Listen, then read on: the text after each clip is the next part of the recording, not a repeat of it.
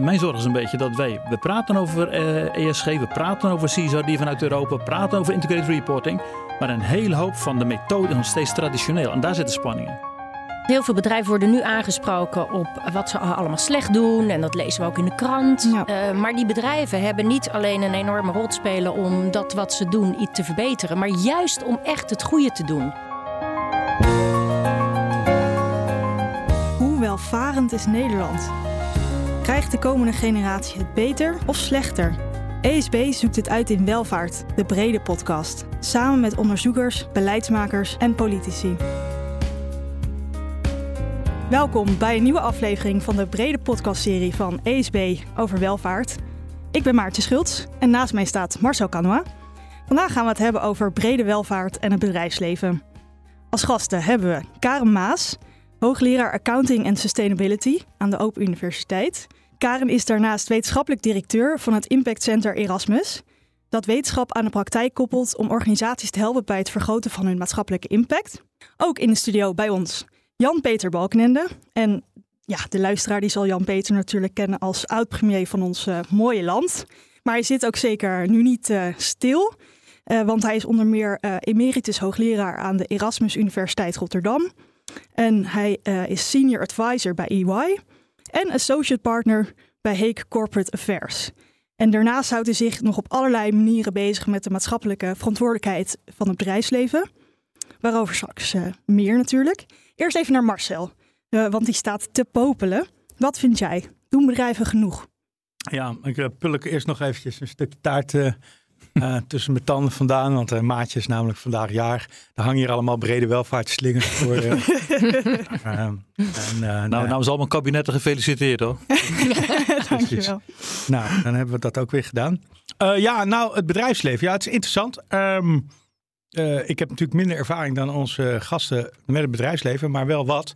En dat, dat leidt tot wel tot, tot interessante dilemma's. En de, daar wil ik ook graag meer over horen. Onder andere heb ik een boek over de Rabobank geschreven. En toen, dat boek heet niet voor niks de Bank van Goede Bedoelingen. En ik zag inderdaad dat die bankiers heel graag wilden om het goede te doen, maar dat het systeem of de interne cultuur of whatever het zo moeilijk maakte. En wat ik ook een heel illustratief verhaal vond, ik heb ook bij de Europese Commissie gewerkt. in de denktank van Barroso. En in 2007, let wel, dat was minder dan een jaar voordat Lehman Brothers failliet ging. Uh, trad daar de chief economist van Lehman Brothers op voor Barroso. Die vertelde me toen het volgende verhaal. Hij zei van, ja, uh, er zitten allerlei on onstabiliteiten en onevenwichtigheden en risico's in het systeem, dat weten we. Um, uh, dus de CEO van Lehman Brothers heeft mij gevraagd om een rapport op te maken. Nou, ik schrijf een rapport op, genuanceerd, maar stond in van nou, gevaren X, Y, Z. En nou, die CEO die luistert, die luistert mij zo aan. En uh, ja, de dag daarna komt een, uh, een trader die voor de derde jaar op rij 30% rendement heeft gehaald. Wie denk je dat er won? En het is die spanning die ook bij die brede welvaartsdiscussies natuurlijk spelen. Ja. Daar hoop ik van onze gasten vandaag meer over te horen. Ja, zeker. En dan over naar onze, over naar onze gasten en eerst naar Karen Maas. Um, want ik las over het doel van jouw leerstoel, zei je... Langetermijn waardecreatie gaat verder dan het maken van winst. Ja. Uh, en daar wil jij, aan dat verder kijken wil jij uh, bijdragen. Uh, en dat is denk ik wel een notie die ook door eerdere sprekers in onze podcastserie wel gedeeld wordt. Um, maar ik vroeg me af, is aan de andere kant winst niet ook heel belangrijk om brede welvaartsdoelen te halen? En moeten we dat ook niet uit het oog verliezen? Ben ik benieuwd naar. Absoluut, absoluut. Als je het hebt over lange termijn waardecreatie, dan is winst daar zeker een onderdeel van. En je vroeg net, uh, je stelde net de vraag van, god, doen bedrijven eigenlijk genoeg? Mm -hmm. um, ik denk soms wel eens dat bedrijven eigenlijk te veel doen. Um, oh. En dat ze eigenlijk um, te weinig nadenken of ze wel het goede doen. Dus er is heel veel activiteit, want we zijn zo lekker bezig. Alleen echt stilstaan met, oké, okay, maar als we daar naartoe willen, wat zouden we dan moeten doen? En hoe kan ik dat nou in kaart brengen? Hoe kan ik dat meenemen in aansturing? Hoe kan ik dat allemaal meten en, en echt in target zetten? Nou, daar gebeurt nog heel weinig. Zonder dat je nou meteen uh, een bedrijf uh, in de etalage zet hier. Kan je een voorbeeld geven hoe dat dan in de praktijk uh, gaat voor het punt wat je net maakt? Ja, kijk, theoretisch wat je eigenlijk wil zien is dat een, een bedrijf zijn, eh, missie of zijn purpose, hoe je het ook noemt, hè, dus dat wat hij eh, wil bereiken, dat hij dat vertaalt naar beleid en strategie, naar activiteiten, naar targets, naar aansturing, verantwoordelijkheden. Dus dat je dat echt intern gewoon strak zet. En we zien steeds meer dat bedrijven dat echt proberen te doen. Maar geld speelt nog altijd wel een hele belangrijke rol. En ik denk dat een van de grootste uitdagingen is om uit te leggen aan degene die het geld in een bedrijf hebben zitten. Van hoe dan het creëren van die maatschappelijke waarden ook terugkomt bij het bedrijf. Dus waarom is dat nou zo belangrijk? En ik kan zeggen als wetenschapper uh, en natuurliefhebber van nou, het is heel belangrijk, want hè, die wereld. Maar uiteindelijk moeten we ook uit kunnen leggen waarom het voor het bedrijf belangrijk is. Hmm. Heel interessant. Ja. ja. nou we komen op dit thema nog verder te spreken. Ja, maar... maar even over naar uh, Jan-Peter Balkenende, die de Dutch Sustainable Growth Coalition aanvoert. Een uh, groep van acht uh, grote internationaal opererende bedrijven die samenwerken aan, aan duurzame groei. Jasper, ESB, hoofdredacteur en een van de co-hosts van deze serie, Marcel en ik, die hebben een, een essay geschreven in het Financieel Dagblad. En daar munten wij de term brede welvaarts washing. Een beetje een, een, een geintje, een vervolg op, laten we zeggen, de term greenwashing. Uh, Jan-Peter, ik ben benieuwd. Uh, kan wij mochten Jan-Peter zeggen. Ja, wij mochten Jan-Peter zeggen. Goed voor de luisteraar om dat even te benoemen, inderdaad. Um, kan jij zeggen wat nou binnen die Dutch Sustainable Growth Coalition jouw ja, meest effectieve ingreep is geweest om het grote bedrijfsleven echt uh, in beweging te zetten. Hè? Ja. Um, dus hè, Shell, KLM, Unilever uh, ja. en om brede welvaartswashing te voorkomen, zeg maar. Ja. Misschien even goed terug te gaan naar de tijd dat ik premier was. Uh, dat was eigenlijk de tijd van toenemend bewustzijn. Al Gore met zijn film An Inconvenient Truth. Dat is de eerste. Je zag dat er nieuwe generaties CEO's begonnen op te staan. Paul Pom was er één van, Fike Sibisma van DSM was een andere. En na mijn tijd als premier werd ik partner Corporate Responsibility bij EY. Mhm. En de, de, de kern is dan hoe kun je duurzaamheid integreren in bedrijfsmodel, bedrijfsstrategie. Dat is eigenlijk de, de kern. Toen ik een gesprek met, uh, met Paul, met Paul Polman. En toen zeiden ze, het is merkwaardig dat er heel veel Nederlandse ondernemingen hoog staan op de Dow Jones Sustainability Index. En toen ze de vraag, wat kunnen we van elkaar leren? Wat kunnen wij eigenlijk doen aan het verdiepen van het denken over duurzaamheid en bedrijfsmodellen? En er gebeurde heel veel in die tijd. Um, in die tijd trok van Michael Porter van Harvard Business School veel aandacht met een essay dat heette Creating Shared Value. En de mhm. boodschap van um, uh, Michael Porter was heel helder.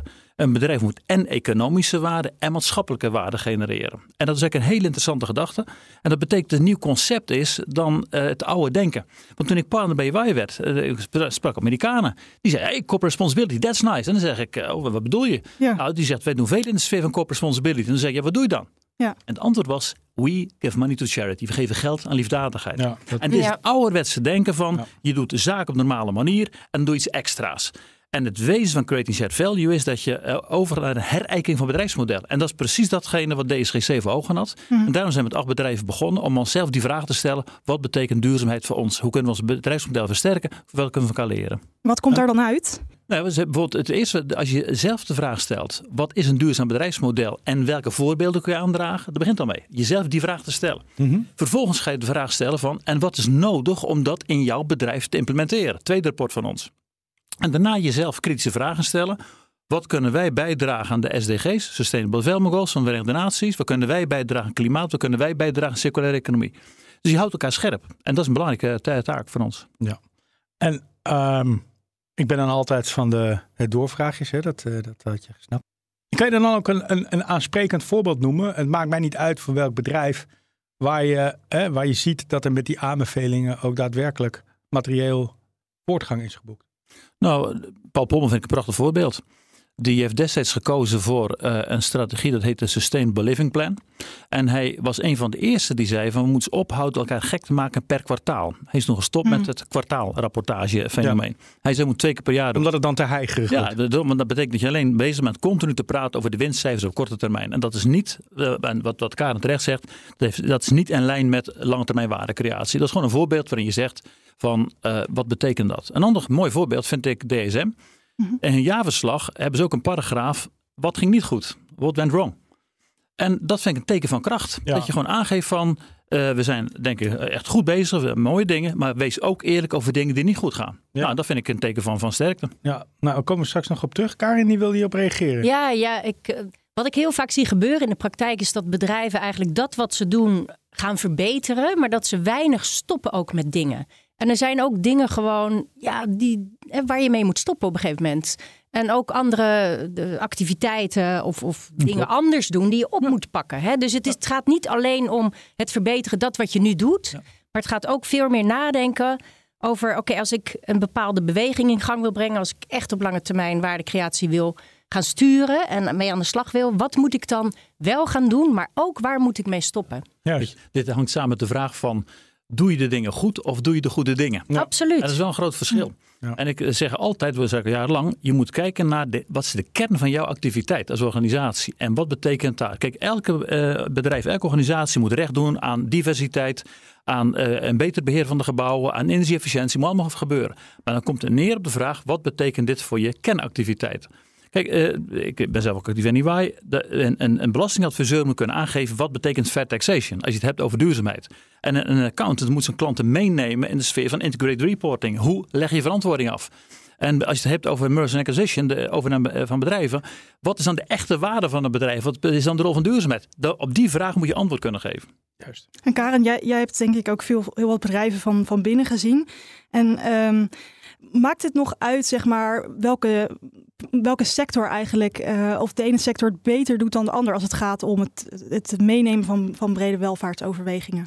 Nou ja, bij de ene sector is, is het wel makkelijker dan bij de andere sector. Hè? Ik zeg altijd, je kunt um, een bijdrage leveren aan brede welvaart door wat je doet, dus met je producten, maar ook door hoe je dat doet. En dat zijn je processen en alles daaromheen, ook je facilitaire omgeving.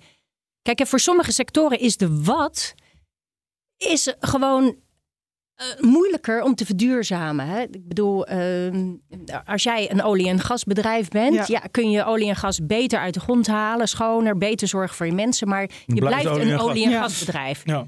Terwijl als jij bijvoorbeeld een, een agribedrijf bent, ja, dan kun je ook in de producten die je maakt, kun je een heel groot verschil maken. Hè? Dus voor de ene sector heb je gewoon meer beweegruimte dan voor de ander. Behalve als je echt bereid bent om helemaal om te draaien, om echt nou ja, hè, andere producten te maken. Ik bedoel, DSM is daar een heel mooi voorbeeld van. Die is gewoon verschoven van mijn bedrijf naar nu echt. Chemisch, naar nutriënten. Ja, Precies. En, en, en, zie je dan ook in sommige sectoren dat de rol van concurrentie hierbij een rol speelt? En ik bedoel daarmee eigenlijk dat als er bijvoorbeeld één groot bedrijf, één groot bedrijf in een bepaalde sector een stap vooruit maakt in deze richting, dat de anderen dan volgen. Omdat ze, ja, of nou, weet je, het is, het, mooi is eigenlijk dat in het verleden werd duurzaamheid misschien wel als een kostenfactor beschouwd als iets wat, wat je moest doen. En tegenwoordig kan het ook echt een gamechanger zijn, waarbij je ook aan kunt verdienen op een goede manier. Weet, ik, hou, ik ben een agent zit in auto's, een bekend uh, onderwerp. Als je nou ziet wat er is gebeurd en voor de Duitse auto-industrie, men is eigenlijk te laat van start gegaan met elektrische auto's. Uh, vanuit Zuid-Korea was men gewoon actiever. En je moest kijken wat er nu vanuit China komt. Dan zie je in de hele wereld van de automobielindustrie van als je tijdig uh, voor een nieuwe lijn kiest, dan helpt dat. Is ook een zakelijke relevant. En, en dat is volgens mij de fase waarin we nu zitten. We hebben nog heel op, kom wel op terug, een heel op oud denken. Uh, spanning tussen, uh, laat ik zeggen, lange termijn mooie doelen, maar tegelijkertijd korte termijn anglo-saxisch denken. Ja. Winst maken per kwartaal. Ja. Daar zit een spanning tussen. Maar die bedrijven die doorhebben wat er gebeurt op het ogenblik, die uh, maken het verschil. Ik, ik, was zelf een paar jaar geleden gevraagd een paar keer om mee te doen bij online seminars tijdens van corona in Japan. Dat ging over de circulaire economie. Dat had voor een deel te maken dat Nederland valt toch een beetje op. We doen nog wat beter dan andere landen. Maar het interessante is dat men Japan kennelijk wil leren van wat gebeurt er. Dat is een ethische reden ook. Je moet circulair handelen, maar er zit ook een zakelijke reden achter. Juist. En, en volgens mij, zo, die, al die bedrijven die die nieuwe tijd verstaan, weten wat nodig is, dat zullen de winnaars van morgen worden. Okay. Ja. We gaan zo even naar de, de, nou, dank je uh, Jan-Peter. Uh, we gaan zo even naar de vraag van Dirk Schoenmaker, ja. hoogleraar in Erasmus. En Maartje gaat die zo stellen, maar ik wil nog een heel klein vraagje aan Karen stellen. En dat, dat was eigenlijk uh, voortbordurend op een eerder punt wat Jan-Peter maakte. Over dat, over dat kwartaal rapporteren. Ik vond dat eigenlijk wel, wel, wel een goed punt. Zou je dat niet eigenlijk gewoon moeten verbieden? Dat zou wel heel mooi zijn. Ik was eigenlijk enorm verbaasd dat daar zo weinig uh, navolging aan werd gegeven. Want ik dacht, van, nou, DSM ja. geeft het voorbeeld. Dus alle bedrijven volgen. Want hoe fijn is het niet om die kwartaalrapportage niet op te hoeven leveren. dilemma bijna, waar Precies, je ontsnapt. maar uiteindelijk zijn er weinig bedrijven Ja. die er echt vanaf zijn kijk, bij, bij Paul was natuurlijk het, het, het idee van eh, je wil stoppen met die kwartaalrapportage. Je moet ons niet gek laten maken door die traditionele meting van de resultaten. Maar je kunt ook zeggen, en dat is mijn zorg, dat de, eh, de beoordeling van bedrijven eigenlijk toch een belangrijke, maar nog steeds financieel is. En het zou mij niet veel kunnen schelen dat per kwartaal wordt gemeten, als het dan ook gaat over die bredere Precies, aanpak. ja, dus daar moet je ook Eh, dus andere als je het hebt over. ESG-criteria, environment, social and governance, dat soort eh, zaken. Let dan daarop. En dat is mijn, mijn zorg is een beetje dat wij, we praten over eh, ESG, we praten over CISO, vanuit Europa, we praten over integrated reporting. Maar een hele hoop van de methode is nog steeds traditioneel. En daar zit de spanning in. Mooi. Ja. Ja, daar gaan we straks nog eh, verder over doorpraten. Maar nu eerst de, de vraag van eh, Dirk Schoenmaker. Eh, even een aanvulling op de vraag van Sarah die we elke week eh, hebben. Maar eh, Dirk is ook heel erg eh, eh, begaan met dit thema. Ja, om te beginnen, bedrijven zijn ontzettend belangrijk voor brede welvaart. Eh, voor nieuwe technologie hebben we ook nieuwe eh, kleine bedrijven nodig. We hebben ook de bestaande bedrijven nodig, de kennis en, de, en hun kapitaal om een waterstoffabriek neer te zetten in Pernis. Dus bedrijfsleven is cruciaal. Maar dan, hoe worden de beslissingen genomen? Nu zijn de financiële overwegingen vanuit de aandeelhouders hebben vaak voorrang. En als we de sociale en de, de milieubelangen mee willen laten wegen, hoe kunnen we de corporate governance, die gaat over hoe de beslissingen genomen worden, hoe kunnen we dat aanscherpen? Hoe kunnen we de sociale en ecologische kant een grotere rol geven in de bestuurskamer? Nou, dat is eigenlijk wel grappig dat Dirk, die dus de conversatie van zo net nog niet gehoord heeft, daar perfect op heeft geanticipeerd. Ja. En wie is Dirk ook weer, maatje? Is eh hoogleraar aan de Rotterdam School of eh, Management. Eh, Juist. Jan-Peter. Ja, er zitten eh, bij- trouwens bij RSM een hoop interessante hoogleraren.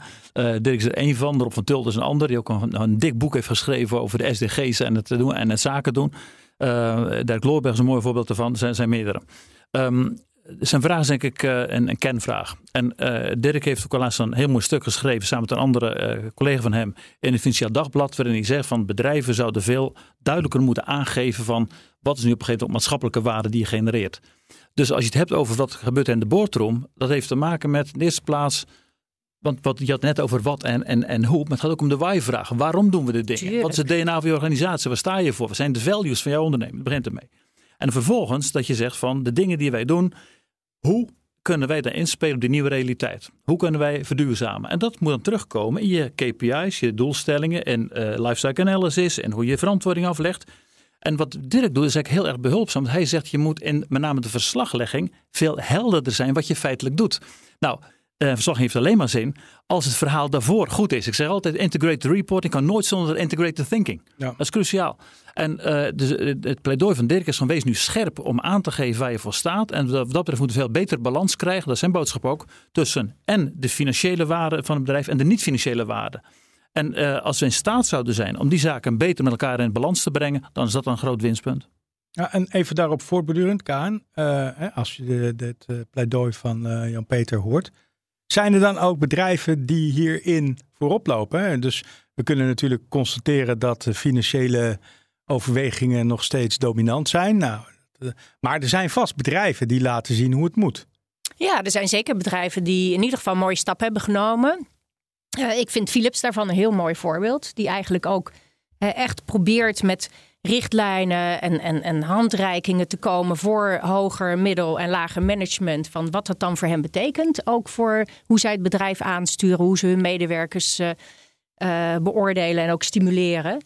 Dus ja, echt die vertaling van die niet-financiële, wat ik eigenlijk een heel raar woord vind. Want die niet-financiële dingen die zijn steeds financiëler en steeds sneller financieel.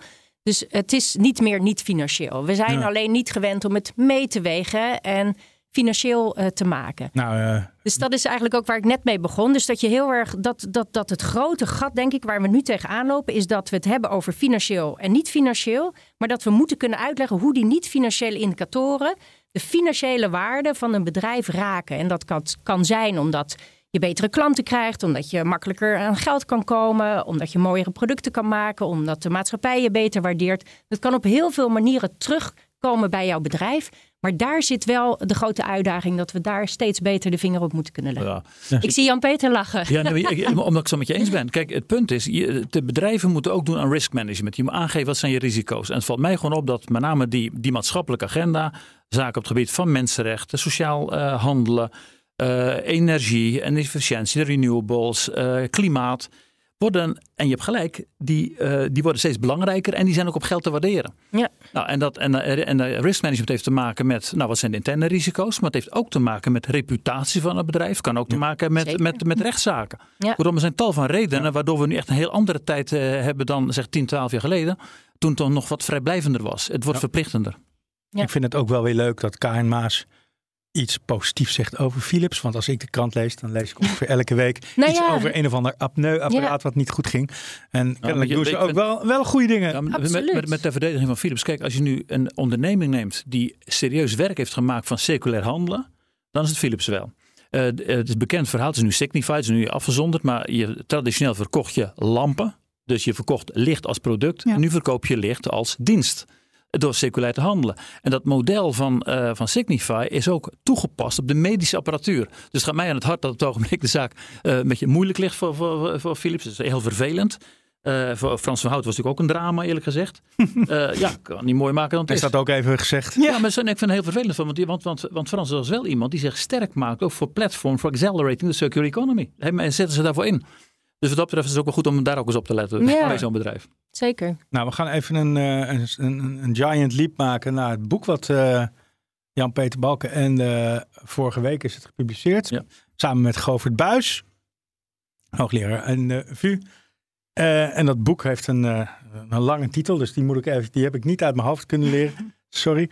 Eh, it Capitalism Reconnected Towards a Sustainable, Inclusive and Innovative Market Economy in Europe. In de mond We hadden daar eh, gemakkelijk een hele podcast-uitzending over kunnen doen, maar dat gaan we niet doen. Sorry, Jan-Peter. Eh, maar ik wil er één ding uitlichten. Eh, wat mij, eh, wat, ik, wat, wat ik intrigerend en ook wel stimulerend vond.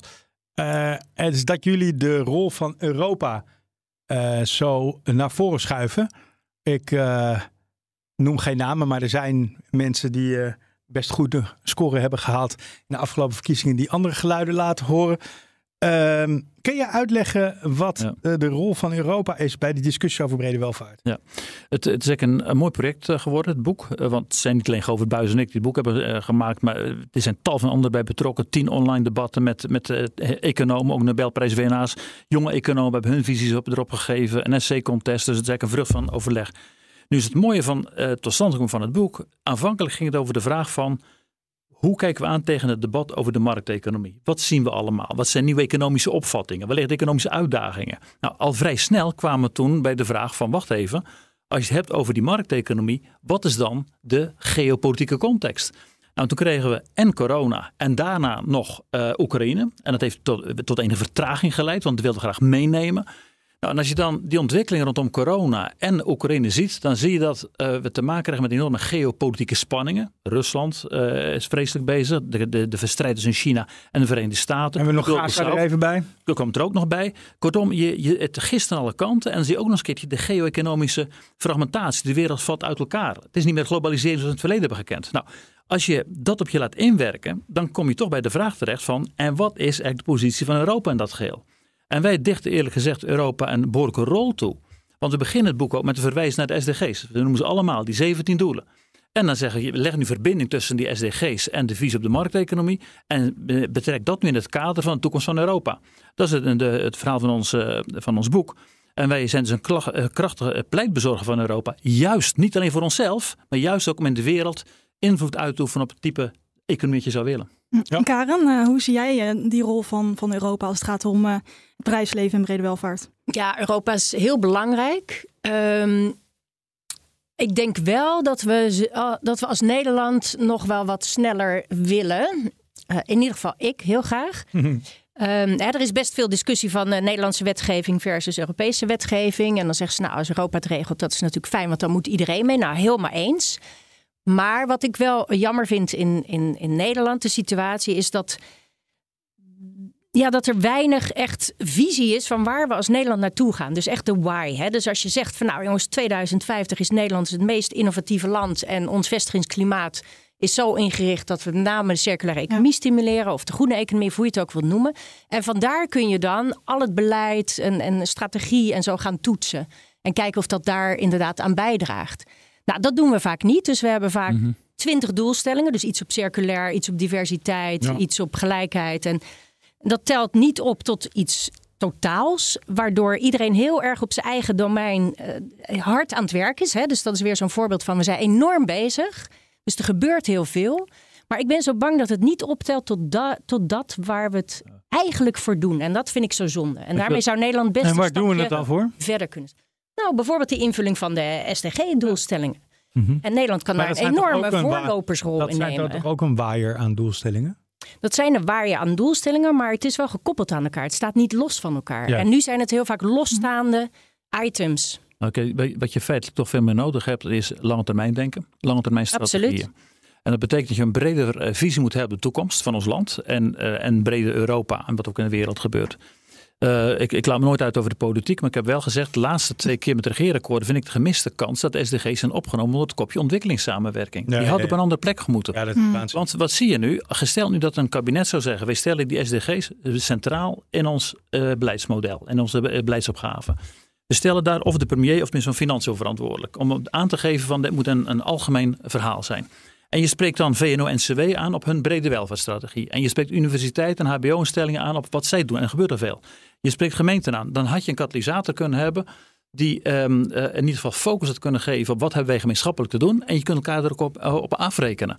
Dus wat dat betreft eh, is nog echt veel te, veel te doen. En als je niet van die gemeenschappelijke perspectieven hebt, dan is het grote gevaar dat je op afzonderlijke issues gaat zitten. Ja. Precies, en dat is eigenlijk precies wat ik. eh, Ja, Karen, ik vond het ook even m- mooi dat jij het sprak uit jouw verhaal ook heel erg een soort positieve ambitie van waar moeten we heen met het land eh, in eh, 2050 bijvoorbeeld. Dus soms heb ik ook wel een beetje het idee dat een beetje in een negatief sentiment eh, zitten en dat, dat je ook zo'n zo'n positieve stip op de horizon. Nou ja, en dat is zo jammer, hè? dat heel veel bedrijven worden nu aangesproken op wat ze allemaal slecht doen. En dat lezen we ook in de krant. Ja. Eh, maar die bedrijven hebben niet alleen een enorme rol te spelen om dat wat ze doen iets te verbeteren, maar juist om echt het goede te doen. Hè, dus we kijken heel erg op minder slecht doen, dus doe no harm.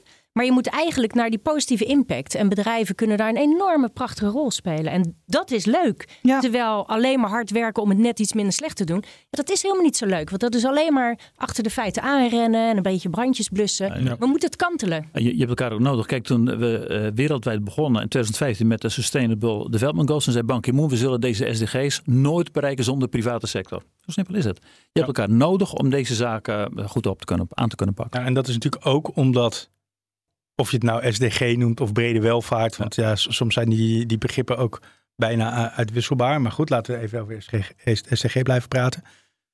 Soms is daarvoor nodig dat er gewoon risico's genomen worden. Daar zijn overheden doorgaans niet erg goed in. En het bedrijfsleven wel. Dus dat, dat, dat, dat Eh, Jan Peter, ik, eh, even, even iets anders. Eh, een beetje terug op, jou, op jouw boek. Want daar heb je recent ook een interview ehm, gegeven voor het eh, FD. En daarin zei je best wel wat interessants. Eh, namelijk dat je ervoor pleitte dat ja, elk bedrijf eigenlijk wel wat eh, natuurexperts eh, kon gebruiken. Ehm, ik vroeg me af, hoe zie je dat dan voor je? Is dat, is dat meer een soort maatschappelijke oproep die je dan in de krant doet? Of vind je dat dat een ook een, wat, wat verplichtender, Ja, je- sturender karakter Nou, moet als je hebben? dus vindt dat bedrijven ook een rol hebben te vervullen op het gebied van klimaat en natuur, dan heb je ook expertise nodig. Nou, dat kun je doen door ofwel expertise in te huren. Je neemt daar eh, adviseurs voor, dat kan. Het kan ook zijn dat je zelf mensen aanstelt, maar de, de kern is dat je, je iets aantrekt van deze ontwikkeling en dat je kijkt wat kunnen wij eraan bijdragen. En sterker nog, het is, heeft, ik vind in de eerste plaats het heeft te maken met de intrinsieke, intrinsieke overtuiging. Waar sta je zelf voor? Dat is cruciaal dat je die zaken goed op weet te pakken. Maar het heeft ook te maken met het indammen van risico's. Want als je op een gegeven moment je niks aantrekt van belangrijke ontwikkelingen, dan kun je er ook eh, gedoe mee krijgen, reputaties, eh, rechtszaak enzovoort. Kortom, het is ook een, een, een, een- ik vind het belangrijk dat bedrijven de kennis vergroten en ook hun handelen daarop afstemmen. Dus je spreekt ze dan aan op hun maatschappelijke verantwoordelijkheid. Ja, dat is een onderdeel daarvan, ja. Zullen we naar de vraag van Sarah gaan? Ja, ik vind het tijd voor, eh, voor de vraag van Sarah. En dan nu. De vraag van Sarah. Beste Karen en Jan-Peter, er is al langere tijd aandacht voor maatschappelijk verantwoord ondernemen. Bedrijven kunnen door gepaste zorgvuldigheid toe te passen, dus door risico's voor mensen en milieu in kaart te brengen en te voorkomen, een grotere bijdrage leveren aan brede welvaart. Dat wordt steeds minder vrijblijvend, zeker nu de Europese Unie de CSRD-wetgeving gaat implementeren. Grote bedrijven zijn daarmee vanaf 1 januari verplicht om aan gepaste zorgvuldigheid te doen.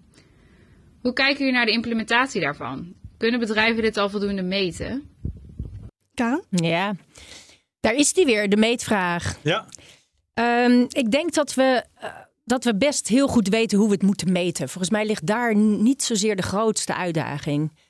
Ehm, het is alleen de vraag van wat doe je met die eh, cijfers die uit de meting komen. Juist. Kijk, en op het moment dat je daar niks mee doet, dan is elke meting zonde van je geld, zonde van je tijd. En dan is het ook makkelijk om je erachter te verschuilen. Van, ja, we weten het eigenlijk niet, net niet echt goed, dus we doen er maar niks mee. Ik denk ook dat we gewoon moeten starten. En helemaal niet op zoek moeten gaan naar die ultieme meting met vijf cijfertjes achter de komma.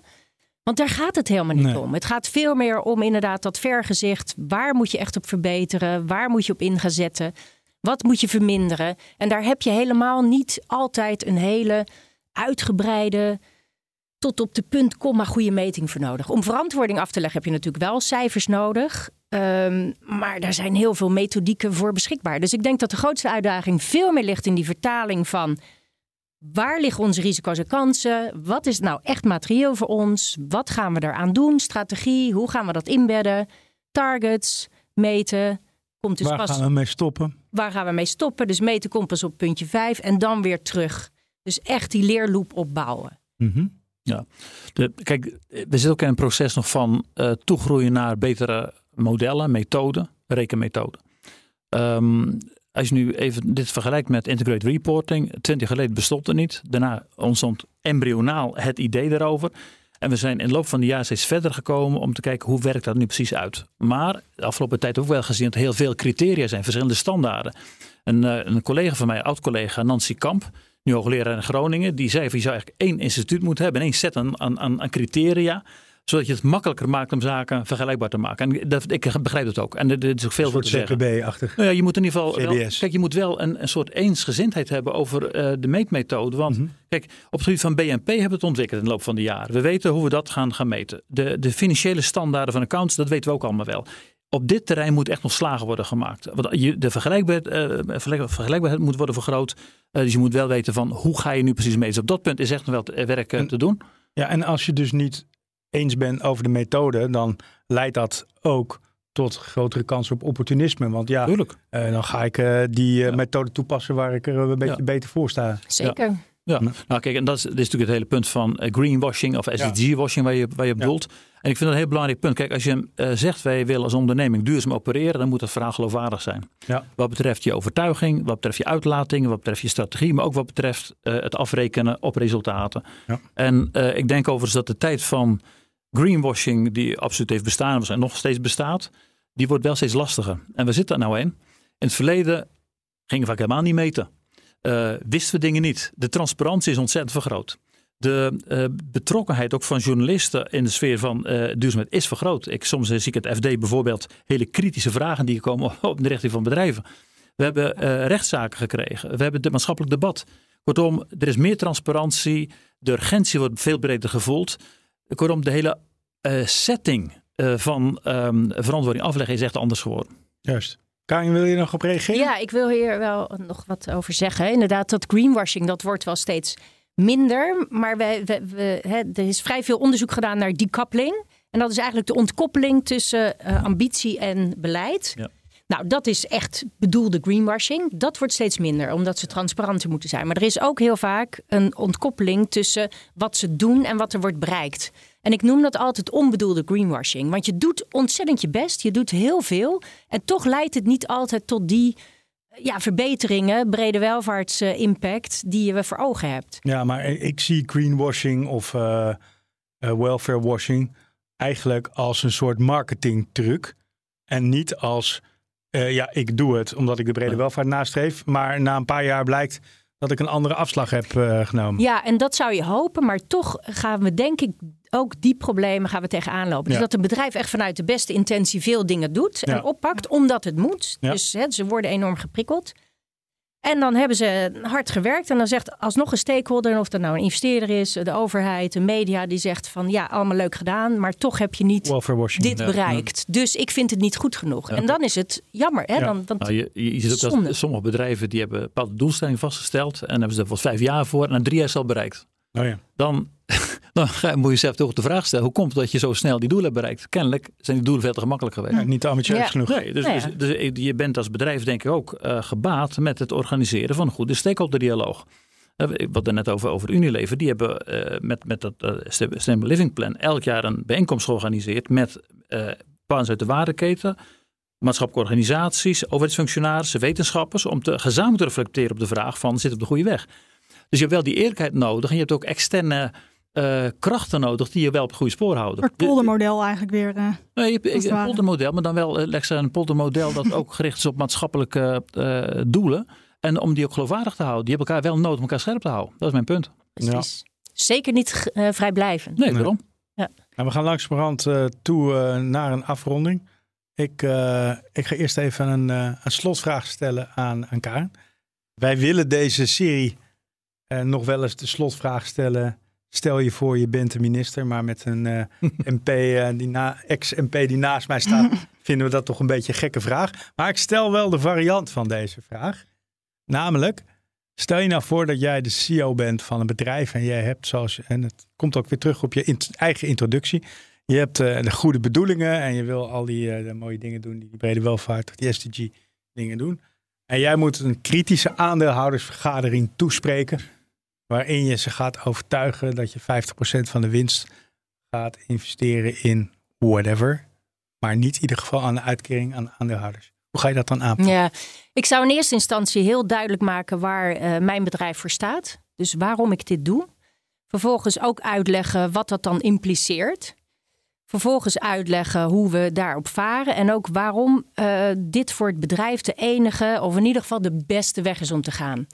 En ik denk op het moment dat je dat verhaal heel strak neer kan zetten en heel duidelijk kan overbrengen, dat een aandeelhouder daar dan wel of niet in meegaat. Ik bedoel, dat kan hè. Een aandeelhouder mag ook best wel eens vertrekken, vind ik. Ik denk dat we altijd heel erg proberen om al die aandeelhouders ook binnen, binnen de, de hete kokende pan te houden. Ik bedoel, laat er maar een paar uitspringen. Ehm, ja, en juist inderdaad zo heel, heel veel congruentie tussen dat wat je, waar je voor staat, dat wat je doet, dat wat je bereikt en dat verhaal continu vertellen. Ik denk dat dat de meest krachtige eh, manier is. Maar dus wel ook uitleggen waarom het het geld van die aandeelhouder waard is om het niet aan hem uit te keren als dividend, maar om het in het bedrijf in te zetten om die maatschappij beter te maken. En hoe dat dan ook weer op hem of haar terugslaat. Nou, ik zou zeggen, eh, Karen voor CEO.